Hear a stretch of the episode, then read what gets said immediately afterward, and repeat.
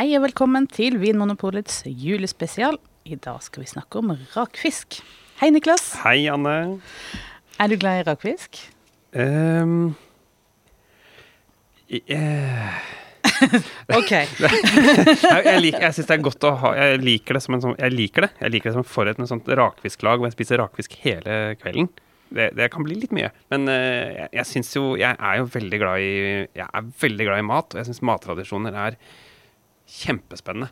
Ja. Uh, og jeg syns at uh, rakfisk som en sånn særnorsk uh, delikatesse syns jeg er Det er kult. kult. Det er noe vi kan være stolt av. Ja. Hva smaker det egentlig? Det er jo litt sært, som du sier. Det er jo litt sært, og det minner jo i hvert fall ikke om fisk. Nei, det tenker jeg. Eh, det er jo Vi har jo tidligere kalt det havets ost. Ja. ja. Det, jeg syns fremdeles det er en beskrivelse som står så godt. Den er utvikla, Ja, den er jo fermentert. rett og slett. Saltet, eh, og eh, hvor det skjer en sånn eh, eh, enzymatisk prosess hvor liksom fiskekjøttet blir brutt ned. Det kan jo minne om på mange måter om hvor, sånn som man lager en del kvalitetsost. Ja, ikke sant? Så, og, men så er det tilbehør her, ja. Det, det er jo i hvert fall jeg spiser med mye tilbehør. eh, og da er det jo lefse og rømme og rødløk og purre. Rødbet. Tilbehør er faktisk veldig viktig. Nei da, men det, det er eh, Det er ganske mange komponenter som jeg tenker at eh, preger retten. Ja.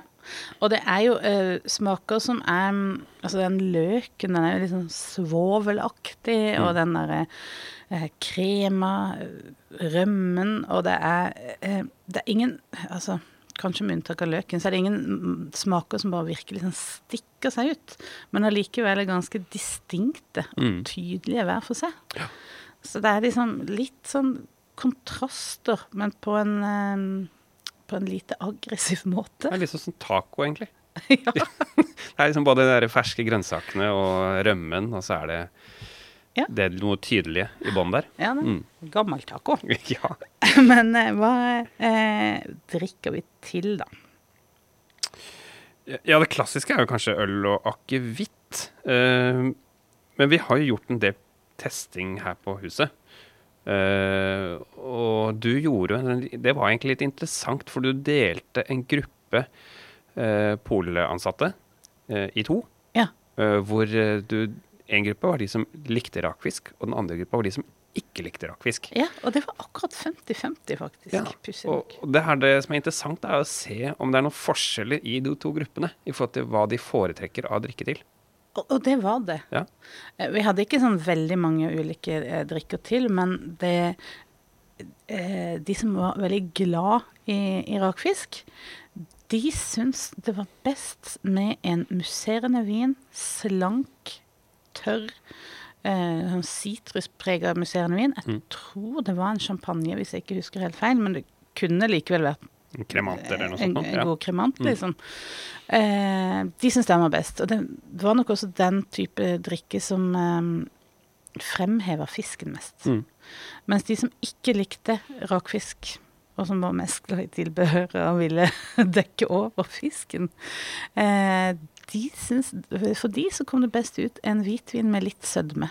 Ja. Så ikke veldig søtt, men sånn sødme to eller tre på klokka om morgen.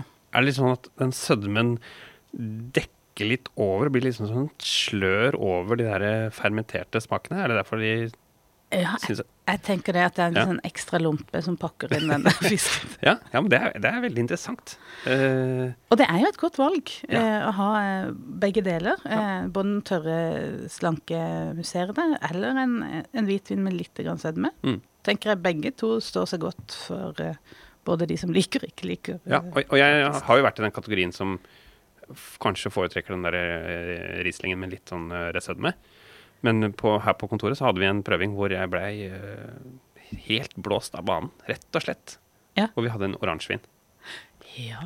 Ikke av den derre uh, veldig tydelige preget som uh, vi på en måte kanskje vil ha til noen type pinnekjøtt eller noe, men det var mer den derre litt eh, mildere oransjevinen, men liksom, likevel litt sånn skallpreg og litt sånn tydelig fruktighet. Ja. Ja. Den, den hvitvinen som har tatt sine første famlende skritt mot oransjevin. Ja.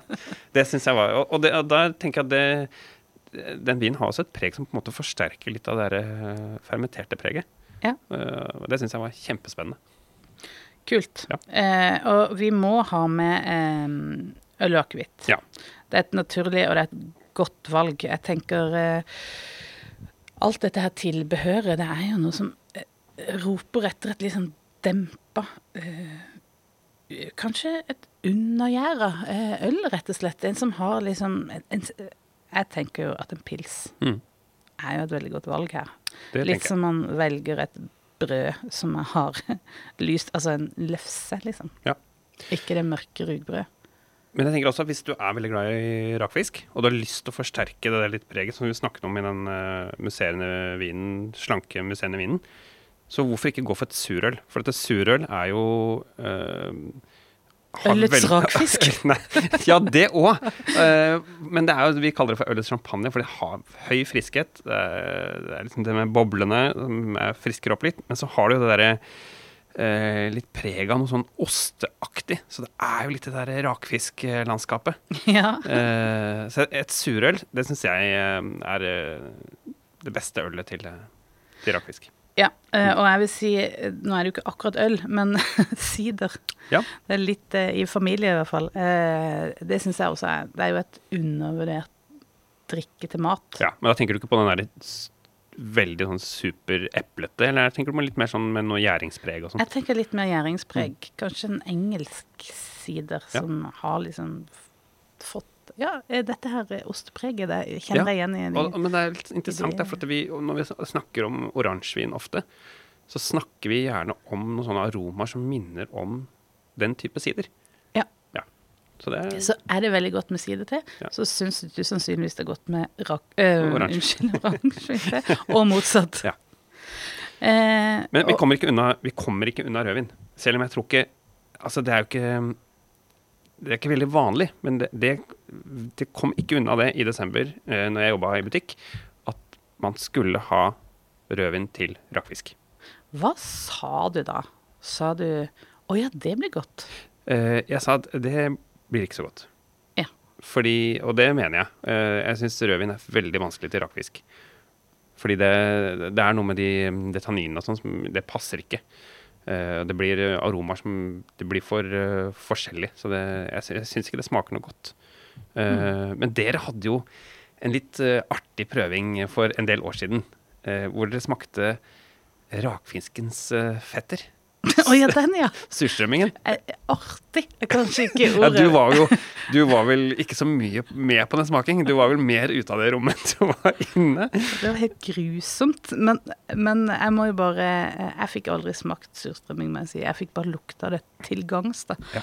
Eh, Men eh, det stoppa seg litt for meg. Men jeg må jo bare stole på mine kollegaer som fikk smakt surstrømming, og testa det til ulike typer drikke til. Og jeg tenker vi kan ta erfaringer fra den uh, smakinga der. Mm. Det er ikke dumt, det. Og tenke Det kan også funke til, til rakfisk. Og det de fant ut med rødvin til surstrømming, var at det var en utvikla rødvin Ja. som var best til. Ja, Det var en sånn type Rioja Gran Reserva som de testet. Men uh, Ja. tenker du får en rødvin som har modne tanniner og litt mer det tørkede fruktpreget Ja. eh, ja.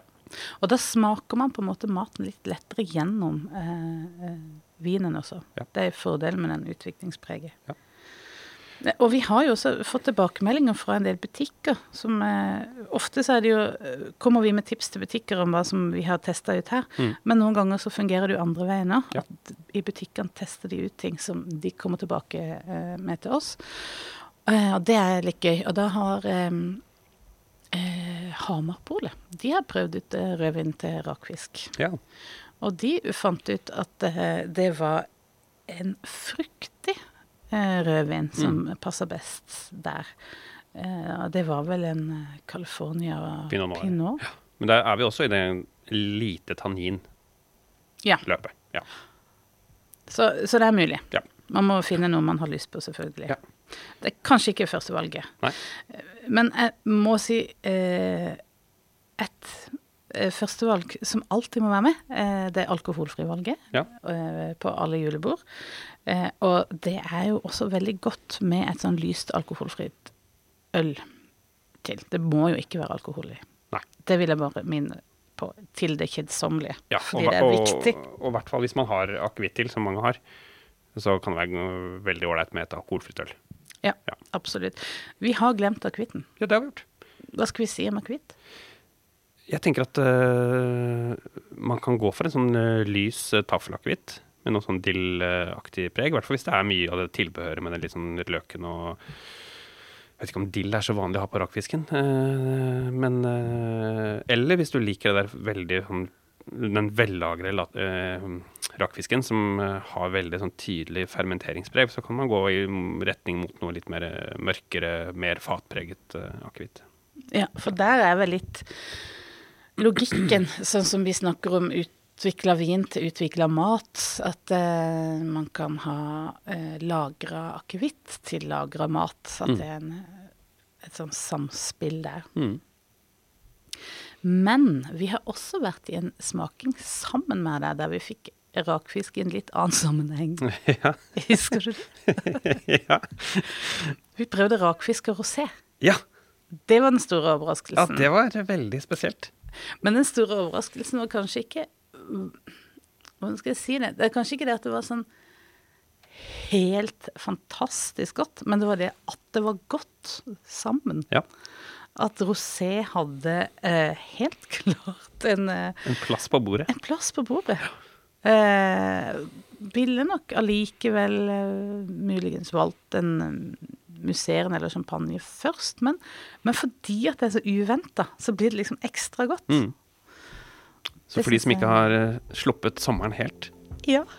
i november-desember, så prøv en, en rosévin. Og gjerne, det er gøy å overraske litt av og til. ja, det er litt gøy. Takk for at du hører på Vinmonopolets podkast. Har du forslag til et tema i podkasten? Send mail til podkast at vinmonopolet.no. I tillegg svarer kundesenteret deg på e-post, chat og telefon.